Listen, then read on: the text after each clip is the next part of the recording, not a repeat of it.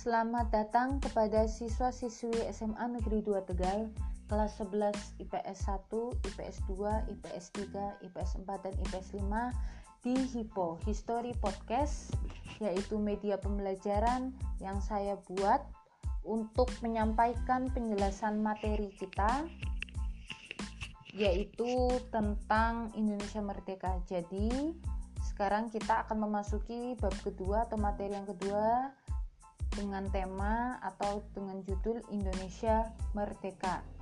Untuk bagian yang pertama ini, saya akan menjelaskan dan menceritakan apa itu peristiwa pengeboman Hiroshima dan Nagasaki dan alasan mengapa Jepang menyerah kepada sekutu, janji Koiso, pembentukan PPUPKI dan pembentukan PPKI. Baik, untuk penjelasannya, Kalian mungkin sering mendengar dua nama kota tersebut, Hiroshima dan Nagasaki. Lalu, apa kaitannya peristiwa pengeboman dua kota di negara Jepang ini dengan peristiwa proklamasi kemerdekaan Indonesia? Jadi, memasuki awal tahun 1944, kedudukan Jepang dalam Perang Asia Pasifik semakin terdesak Puncaknya memasuki tahun 1945, posisi Jepang dalam menghadapi sekutu semakin tidak menguntungkan. Jepang banyak sekali mengalami kekalahan dalam menghadapi sekutu atau pasukan dari negara Amerika. Puncaknya adalah ketika dua kota terpenting Jepang, yaitu kota Hiroshima dan Nagasaki, dijatuhi bom atom oleh pasukan sekutu. Hal ini dilakukan sebagai salah satu balasan dari peristiwa pengeboman pangkalan Angkatan Laut Amerika Serikat di Pearl Harbor, Hawaii oleh Jepang sebelum Perang Asia Pasifik meletus. Baik, untuk bom atom yang dijatuhkan di kota Hiroshima itu sendiri bernama Little Boy atau yang berarti anak kecil laki-laki. Bom atom ini ditargetkan untuk dijatuhkan di kota Hiroshima pada tanggal 6 Agustus 1945. Bom ini dibuat dari bahan uranium.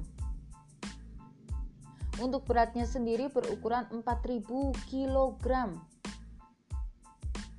Daya ledakannya sampai 13 kiloton. Waktu meledakannya pukul 8 lebih 15 waktu setempat. Jumlah korban yang ada di kota Hiroshima atau yang diakibatkan oleh Little Boy ini kurang lebih ada 140.000 jiwa. Sedangkan untuk bom yang dijatuhkan di kota Nagasaki bernama Fat Man atau yang berarti pria gendut. Bom atom Fatman ini ditargetkan akan dijatuhkan di kota Nagasaki pada tanggal 9 Agustus 1945.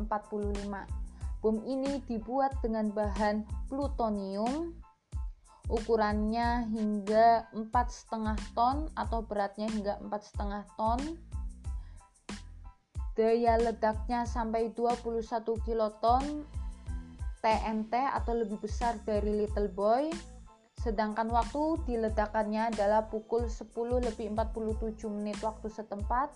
Untuk korbannya sendiri di kota Nagasaki kurang lebih ada 80.000 jiwa.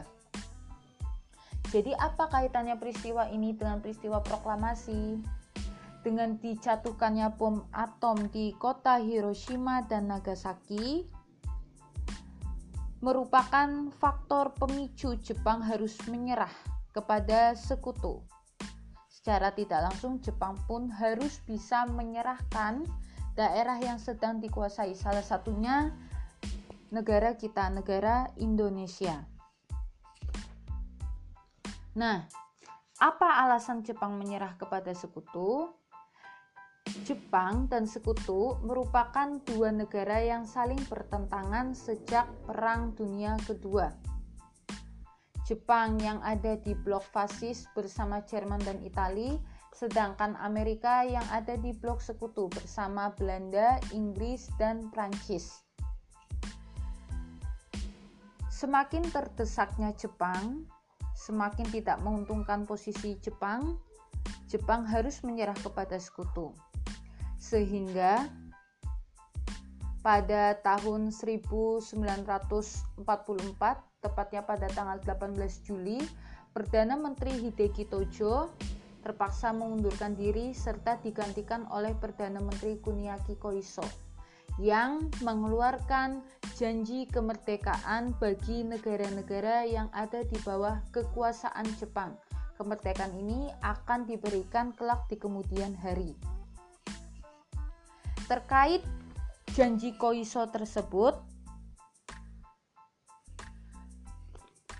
Uh, pada tanggal 29 April 1945 sebagai bukti adanya janji Koiso, kabinet Suzuki yang pada saat itu memerintah sebagai pemerintahan yang sah mengumumkan pembentukan BPUPKI atau yang sering kalian kenal dalam istilah bahasa Jepang Dokuritsu Junbi Chosakai yang diketuai oleh Dr. KRT Rajiman Widyo Diningrat apa tujuan pembentukan BPUPKI? Tujuannya adalah mempelajari dan menyelidiki hal-hal penting yang berhubungan dengan pembentukan negara Indonesia merdeka. Untuk panitianya sendiri dibagi menjadi empat bagian. Ada panitia perumus Undang-Undang Dasar yang diketuai oleh Insinyur Soekarno, atau yang sering kita kenal sebagai panitia 9 ada panitia perancang undang-undang dasar yang diketuai juga oleh Soekarno lalu dibentuk lagi panitia kecil yang diketuai oleh Profesor Dr. Mr. Supomo ada panitia ekonomi dan keuangan yang diketuai oleh Dr. Anies Muhammad Hatta serta ada panitia pembela tanah air atau peta yang diketuai oleh Abi Kusno Cokrosuyoso. Nah, BPUPKI ini melaksanakan sidang sebanyak dua kali. Untuk sidang yang pertama, BPUPKI itu membicarakan mengenai rumusan dasar negara Indonesia merdeka. Tokoh-tokoh yang mengusulkan rumusan negara antara lain ada Muhammad Yamin, ada Dr. Supomo, dan Insinyur Soekarno. Untuk sidang yang pertama, yaitu pada tanggal 29 Mei 1945, Muhammad Yamin mengajukan lima asas dasar, yaitu peri kebangsaan, peri kemanusiaan, peri ketuhanan, peri kerakyatan, dan peri kesejahteraan. Dari sidang tersebut, dihasilkanlah sebuah dokumen atau yang sering kita sebut dengan Jakarta Charter atau Piagam Jakarta yang merupakan cikal bakal adanya Pancasila yaitu ideologi atau dasar negara kita yang berisikan ketuha satu ketuhanan yang mewajibkan menjalankan syariat Islam bagi pemeluk-pemeluknya. Yang kedua dasar kemanusiaan yang adil dan beradab. Yang ketiga persatuan Indonesia. Yang keempat kerakyatan yang dipimpin oleh hikmat kebijaksanaan dalam permusyawaratan perwakilan, dan yang kelima, mewujudkan suatu keadilan sosial bagi seluruh rakyat Indonesia. Yang jelas pasti kalian tahu dong e, poin atau sila keberapa yang diubah, yaitu sila pertama. Nah, untuk sidang keduanya sendiri, BPUPKI melaksanakannya pada tanggal 10 sampai 17 Juli tahun 1945. Pada tanggal 14 Juli, Insinyur Soekarno selaku Ketua Panitia Hukum melaporkan hasil panitia kecil pada sidang yang isinya ada tiga poin. Satu, pernyataan bahwa Indonesia sudah merdeka. Yang kedua, pembukaan UUD yang diambil dari Piagam Jakarta. Ketiga, batang tubuh yang kemudian disebut Undang-Undang Dasar. Nah, sekarang kita akan membahas tentang pembentukan PPKI. Jadi, setelah selesai melaksanakan tugasnya, BPUPKI dibubarkan. karena dianggap telah selesai melaksanakan tugas. Kemudian pada tanggal 7 Agustus 1945 digantikan oleh PPKI atau yang sering kalian sebut dalam istilah Jepang yaitu Dokuritsu Junbi Inkai. Nah, PPKI ini sendiri dibentuk oleh Jenderal uh, sorry disetujui pembentukannya oleh Jenderal Terauchi Nah, pemilihan anggotanya sendiri dilakukan langsung oleh beliau, oleh Jenderal Terauchi, sebagai penguasa perang tertinggi Jepang untuk kawasan Asia Tenggara. Anggota PPKI sendiri berjumlah 21 orang yang dipilih tidak hanya terbatas pada wakil-wakil dari Jawa yang berada di bawah pemerintahan tentara ke-16. Untuk ketuanya ditunjuk Insinyur Soekarno, wakilnya Dr. Andes Muhammad Hatta, dan Ahmad Subarjo ditunjuk sebagai penasehat. Nah, PPKI inilah salah satu organisasi penting bagi kita negara Indonesia untuk bisa mencapai tujuan kita yaitu kemerdekaan. Jadi, PPKI ini berbeda dengan PPUPKI karena PPUPKI ditetapkan oleh Panglima Tentara ke-16 di Jawa, sedangkan PPKI ditetapkan oleh penguasa perang tertinggi tentara Jepang di Asia Tenggara. Intinya, PPKI itu dibentuk langsung oleh panglima tertinggi Jepang di kawasan Asia Tenggara. Kedudukannya lebih tinggi dibanding panglima tentara yang membentuk BPUPKI. Dalam perkembangan selanjutnya, anggota PPKI ditambah menjadi enam orang tanpa seizin pemerintah Jepang sehingga seluruh anggota PPKI berjumlah 27 orang. Maksud penambahannya untuk apa? Supaya PPKI tidak terkesan badan bentukan Jepang. Dengan demikian, bisa kita simpulkan bersama-sama bahwa PPKI dapat diambil alih dan dikendalikan oleh pemimpin-pemimpin bangsa kita, pemimpin bangsa Indonesia, sehingga menjadi alat perjuangan kita, rakyat Indonesia, untuk mencapai kemerdekaan. Baik, sampai di situ bagian yang pertama dalam uh, materi yang kedua ini kita akan lanjut ke bagian yang kedua.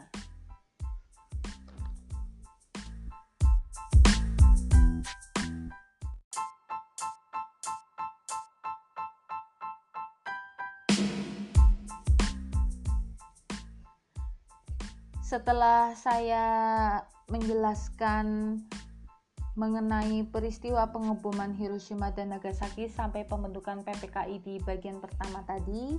Di bagian kedua ini saya akan menjelaskan kepada kalian apa itu peristiwa Rengas Dengklok. Mungkin kalian juga sering mendengar nama daerah ya eh, daerah tersebut tepatnya yang ada di Provinsi Jawa Barat.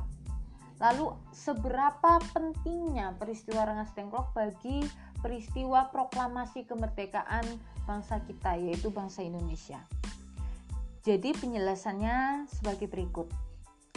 Hari-hari menjelang tanggal 15 Agustus 45 merupakan hari yang menegangkan bagi Jepang dan menegangkan juga bagi kita bangsa Indonesia jika untuk bangsa Jepang, tanggal 15 Agustus tahun 1945 itu merupakan titik balik atau akhir nyali bagi Jepang dalam melanjutkan Perang Dunia Kedua atau yang sering kita sebut juga sebagai Perang Asia Pasifik. Menyerahnya Jepang kepada sekutu itu sebenarnya pilihan yang sulit dan sangat pahit tapi tidak ada pilihan lain selain itu karena Jepang memang sudah dalam posisi kalah dan terdesak sehingga mau tidak mau harus menyerah kepada sekutu. Nah, bagi kita bangsa Indonesia justru tanggal 15 Agustus 1945 itu merupakan tanggal yang uh, memiliki kesempatan yang baik justru menjadi kesempatan yang baik buat kita untuk mempercepat peristiwa proklamasi kemerdekaan. Inilah yang menjadi pemikiran utama para pemuda atau yang sering disebut juga golongan muda kaum pergerakan Indonesia.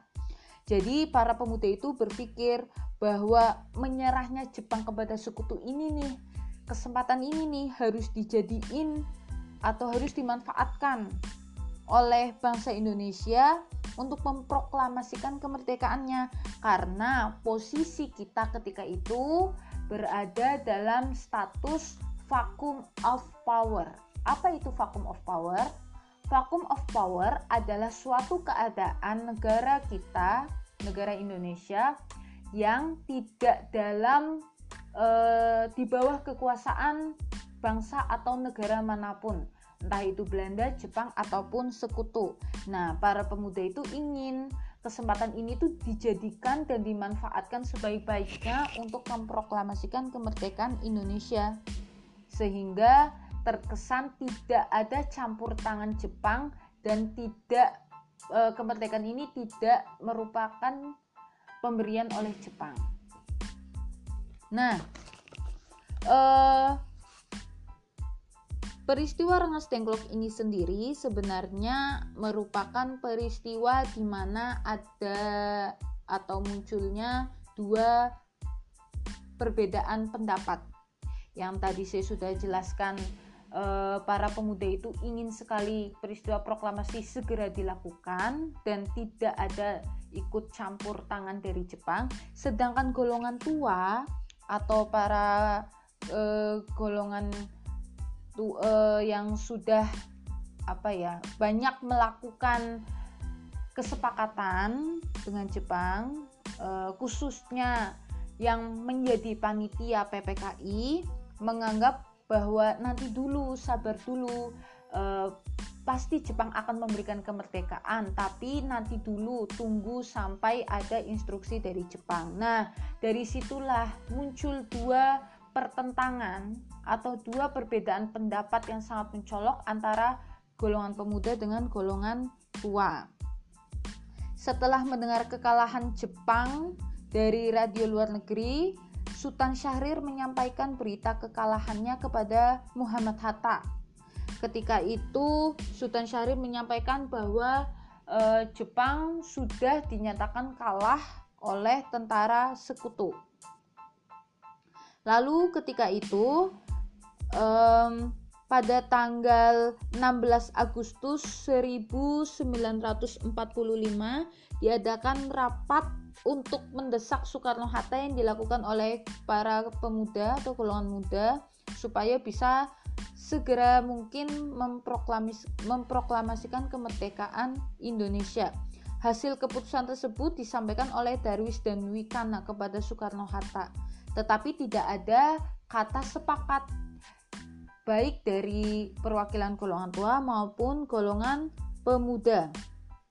Akhirnya, ketika itu golongan pemuda sepakat akan menculik atau mengamankan dua tokoh besar kita yaitu Soekarno dan Hatta ke suatu daerah yang sekiranya aman dan jauh dari pengaruh Jepang untuk merundingkan, untuk memusyawarahkan dan untuk mendesak supaya peristiwa proklamasi segera dilaksanakan. Daerah tersebut atau daerah yang dipilih oleh para pemuda tersebut bernama Rengas Dengklok sehingga peristiwa ini disebut juga dengan peristiwa Rengas Dengklok. Nah,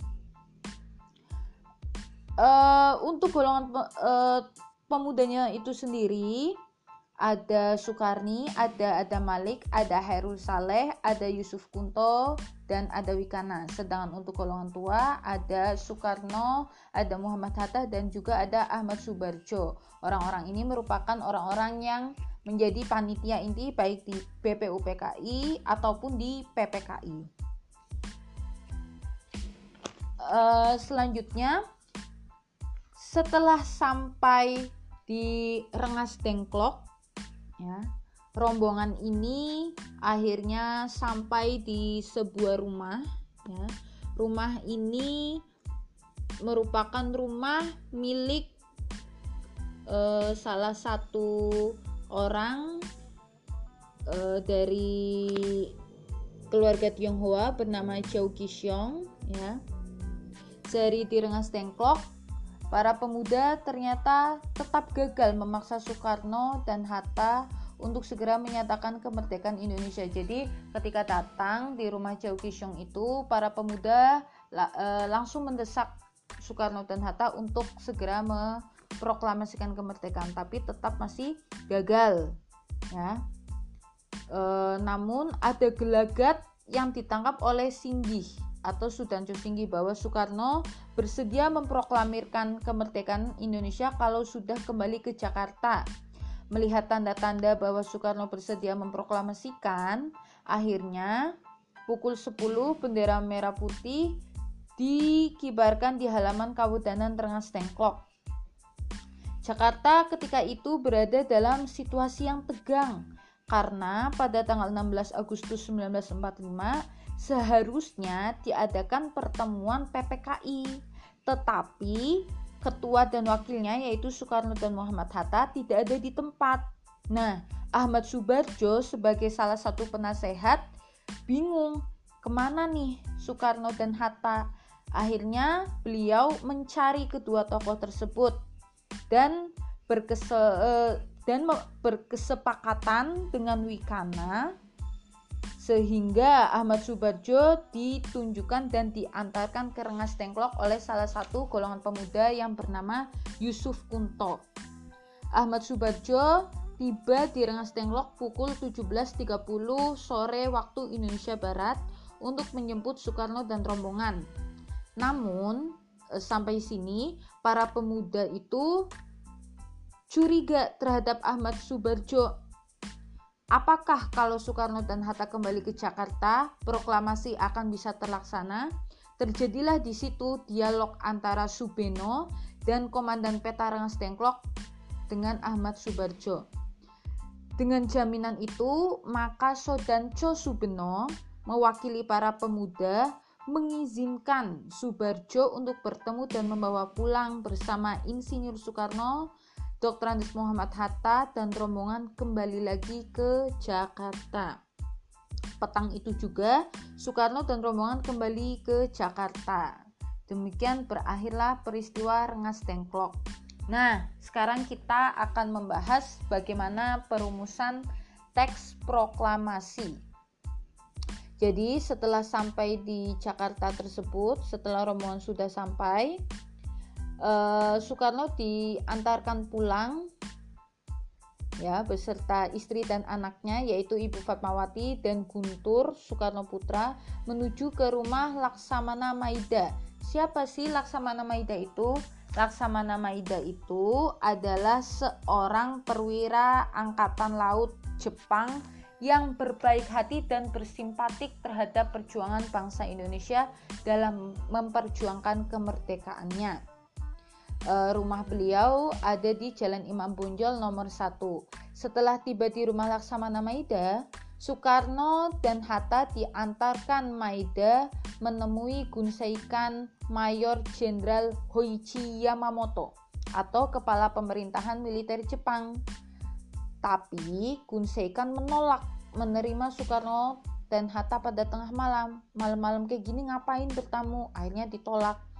Nah, dengan ditemani oleh Maida, Shigeta dan Nishijima, dan Tomegoro Yoshizumi serta Miyoshi sebagai penerjemah atau translator, translator. Mereka pergi menemui Somu Bucho Mayor Jenderal Otoshi Nishimura atau Direktur kepala pemerintahan umum militer Jepang dengan maksud untuk apa? Menjajaki sikapnya terhadap pelaksanaan proklamasi kemerdekaan Indonesia. Jadi di situ Soekarno menyampaikan bahwa akan mengadakan rapat PPKI untuk membahas persiapan pelaksanaan proklamasi kemerdekaan. Jadi pada pertemuan antara Soekarno-Hatta dengan Nishimura ini tidak dicapai kata sepakat. Di satu pihak Soekarno-Hatta masih bertekad ingin melangsungkan rapat PPKI yang pada pagi hari tanggal 16 Agustus 45 itu tidak jadi diadakan karena mereka dibawa ke rengas dengklok otomatis rapat tidak jadi pertemuan batal mereka menekankan pada Nishimura bahwa Jenderal Terauchi telah menyerahkan pelaksanaan proklamasi kepada PPKI. Nah, setelah itu, um, di lain pihak Nishimura menegaskan garis kebijakan di Jawa bahwa menyerahnya Jepang kepada sekutu itu eh, Jepang tidak diperbolehkan lagi mengubah status quo. Nah, berdasarkan kebijak sanaan itu Nishimura melarang Soekarno-Hatta untuk mengatakan rapat PPKI jadi dilarang. Akhirnya Sukar rombongan Soekarno kembali pulang ke rumahnya si Laksamana Maida para tokoh-tokoh nasionalis ini berkumpul di rumah Maida untuk merumuskan teks proklamasi nah di rumah Maida hadir para anggota PPKI yang lain para pemimpin pemuda serta para pemimpin pergerakan beserta beberapa anggota Cho Sang In yang ada di Jakarta yang berjumlah kurang lebih 40 sampai 50 orang. Jadi, kenapa sih pertemuannya di rumah Laksamana Maida padahal kan dia orang Jepang? Justru di rumah Laksamana Maida itulah dianggap aman dari kemungkinan gangguan yang dilakukan oleh Jepang. Ya karena mereka menganggap bahwa Laksamana Maeda adalah seorang atau tokoh atau sosok yang sangat dihormati. Nah, setelah pertemuan Nishimura itu dianggap cukup, Soekarno dan Hatta kembali ke Maida, eh, kembali ke rumah Laksamana Maeda. Dan setelah berbicara sebentar dengan Soekarno, Muhammad Hatta dan Subarjo, akhirnya Maida minta diri untuk istirahat dan mempersilahkan para pemimpin untuk berunding sampai puas di rumahnya. Akhirnya, di ruang makan rumahnya Laksamana Maida, para pemimpin bangsa kita merumuskan naskah proklamasi kemerdekaan Indonesia. Ketika peristiwa itu berlangsung, Maida tidak hadir, tetapi Miyoshi sebagai orang kepercayaan Nishimura bersama Soekarni, Sudiro dan PM Dia menyaksikan Soekarno, Hatta dan Ahmad Subarjo membahas perumusan naskah proklamasi.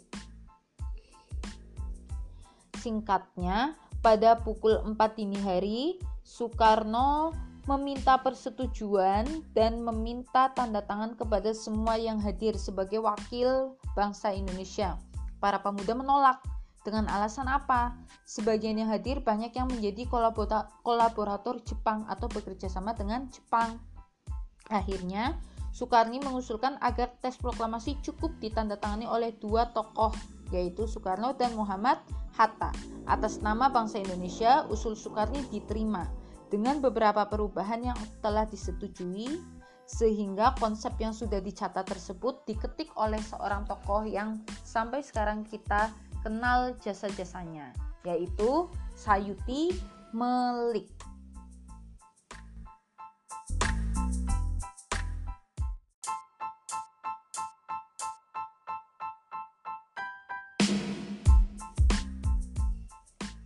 Baik, pada bagian ketiga ini kita akan membahas berbagai peristiwa detik-detik proklamasi dari mulai pengetikan teks proklamasi oleh Sayuti Melik yang tadi sudah saya bahas pada bagian yang kedua. Lalu lalu ditandatangani oleh tok, dua tokoh besar yaitu Insinyur Soekarno dan Muhammad Hatta atas usulan Soekarni. Lalu kita juga akan membahas pada bagian ketiga ini eh, penyebar luasan berita proklamasi, berbagai dukungan spontan yang muncul terhadap peristiwa proklamasi serta makna proklamasi itu sendiri bagi kita bangsa Indonesia itu apa. Nah, agar seluruh rakyat Indonesia mengetahui naskah yang sudah diketik oleh Sayuti Melik dan ditandatangani oleh Soekarno dan Hatta itu harus disebarluaskan. Timbullah persoalan tentang gimana nih caranya naskah ini disebarluaskan di seluruh Indonesia.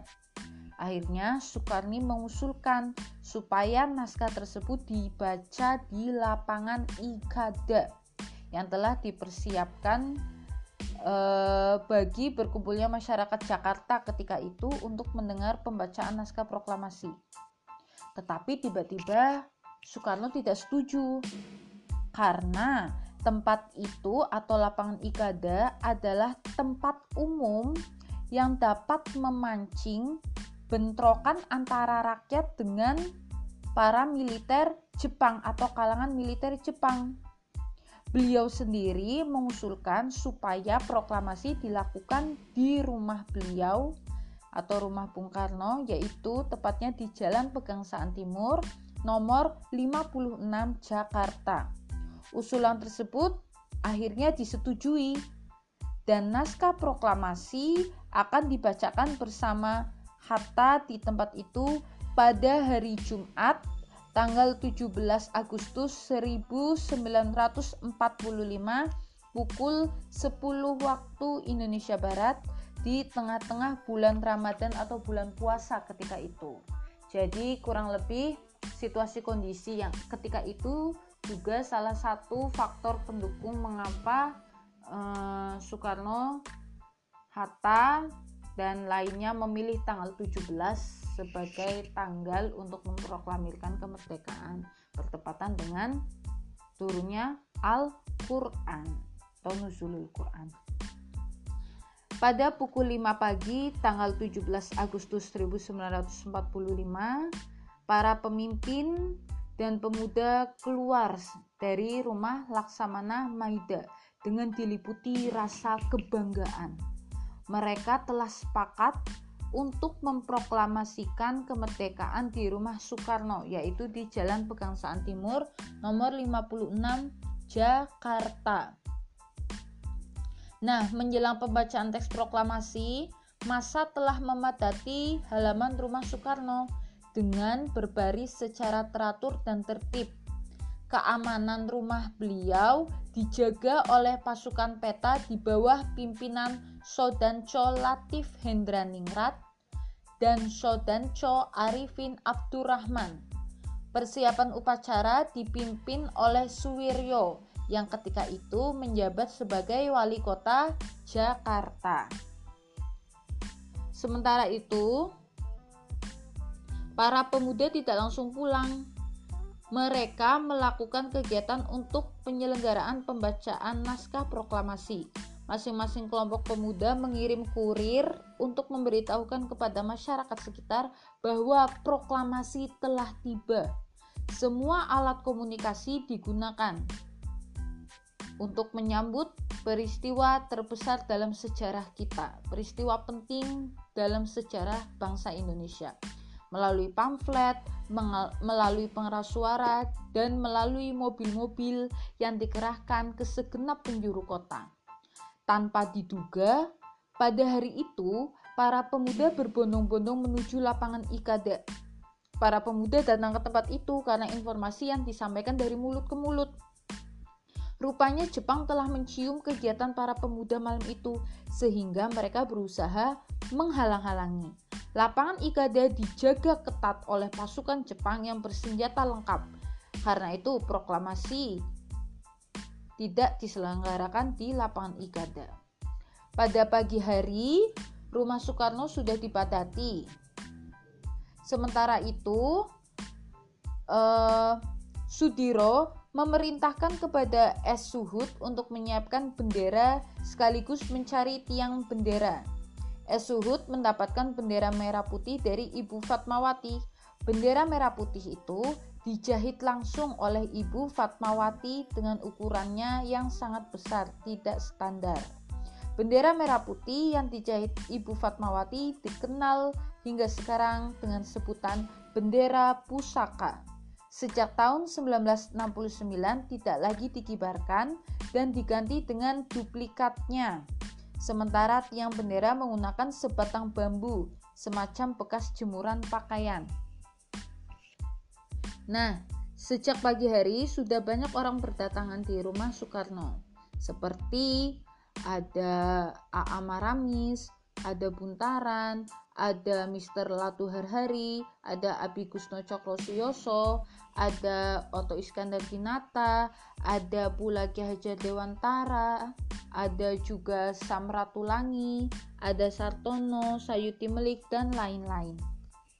Kurang lebih pukul 10 pagi waktu Indonesia Barat, Muhammad Hatta datang ke rumah Soekarno. Keduanya kemudian keluar menuju ruang depan dengan langkah yang tegap dan tegas di depan pengeras suara atas nama bangsa Indonesia membacakan teks proklamasi kemerdekaan Indonesia. Kalian sudah tentu pasti hafal ya isi dari pernyataan proklamasi kita. Setelah pembacaan proklamasi, Acara dilanjutkan dengan mengibarkan bendera merah putih yang dijahit langsung oleh Ibu Fatmawati. Pengibar bendera dilakukan oleh Soda, uh, Suhud dan Sodanco Latif Hendra Ningrat dengan disaksikan oleh segenap hadirin serta menyanyikan lagu kebangsaan Indonesia Raya ciptaan Wage Rudolf Supratman.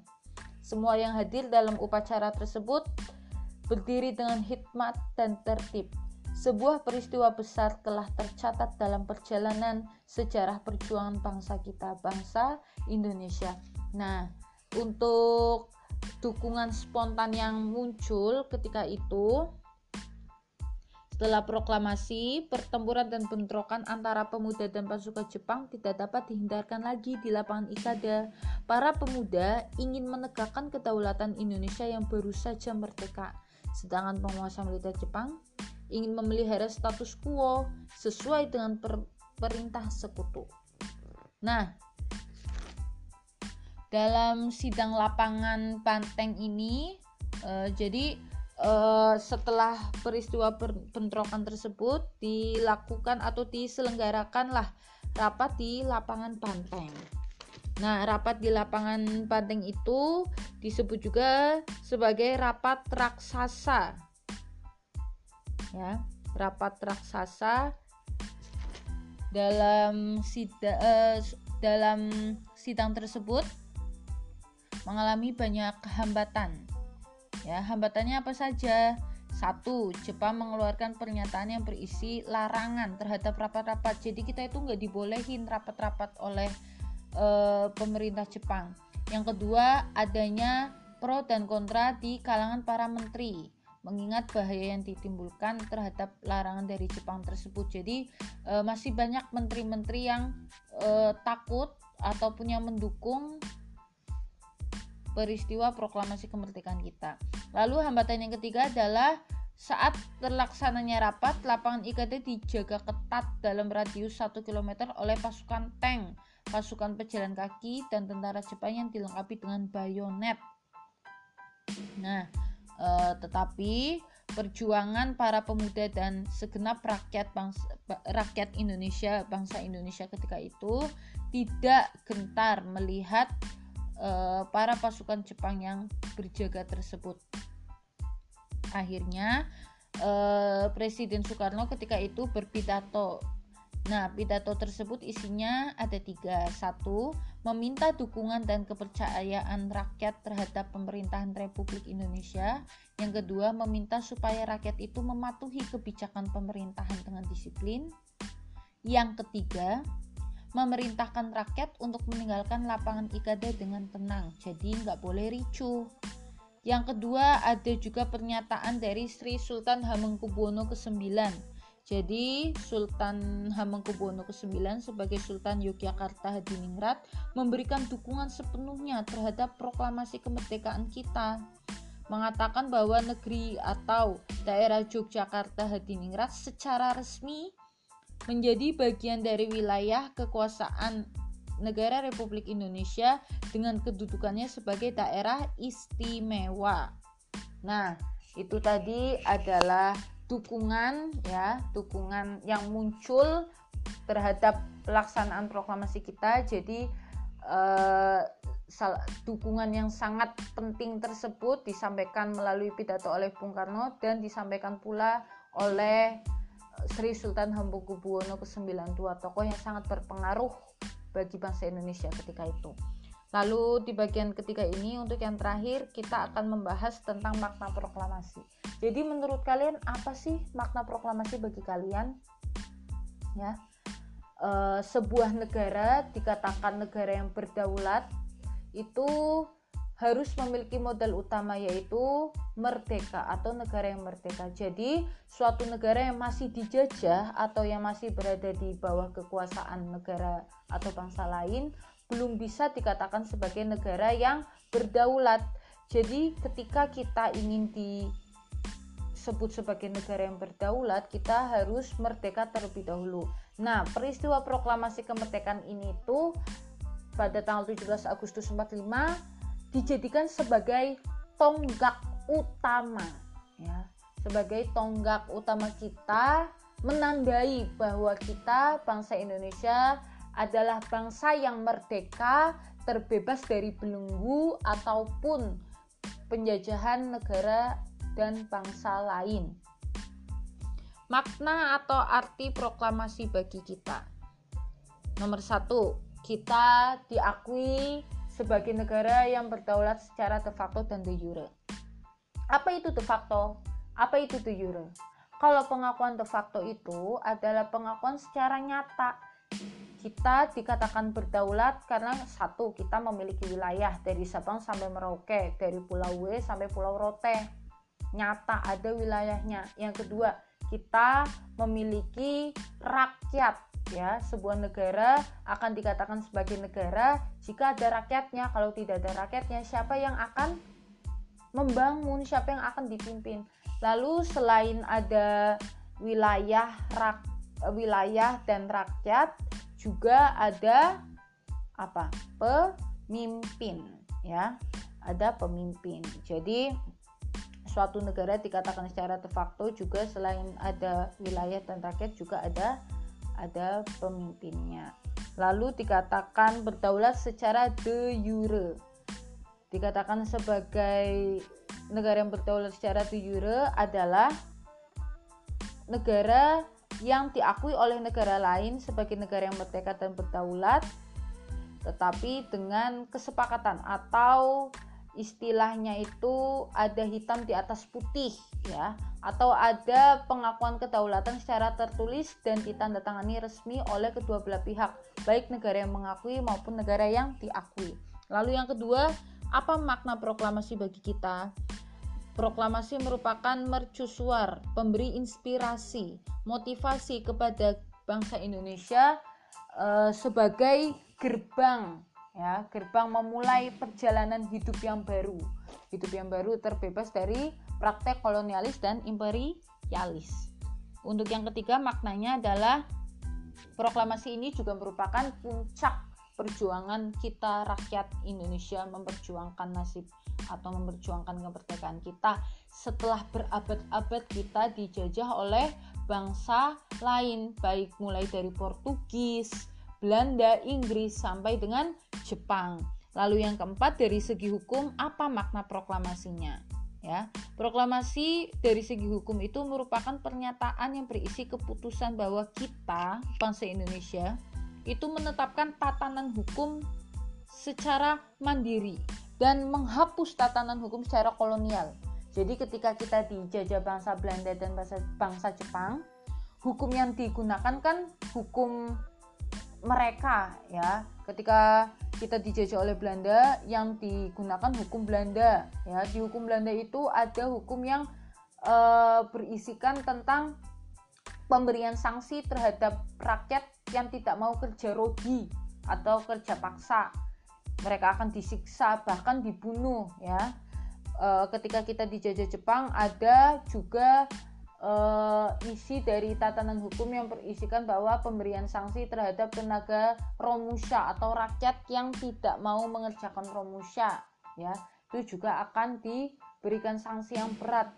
Tidak jarang banyak sekali rakyat kita yang disiksa hingga dibunuh oleh Jepang. Ketika dinilai oleh mereka kita tidak mau menuruti apa yang mereka minta. Nah, untuk makna yang terakhir sendiri dari segi politik dan ideologi, proklamasi itu adalah pernyataan kita bangsa Indonesia lepas dari penjajahan. membentuk negara yang bebas, merdeka, dan berdaulat secara penuh. Nah, eh, itu merupakan bagian ketiga tentang peristiwa sekitar proklamasi.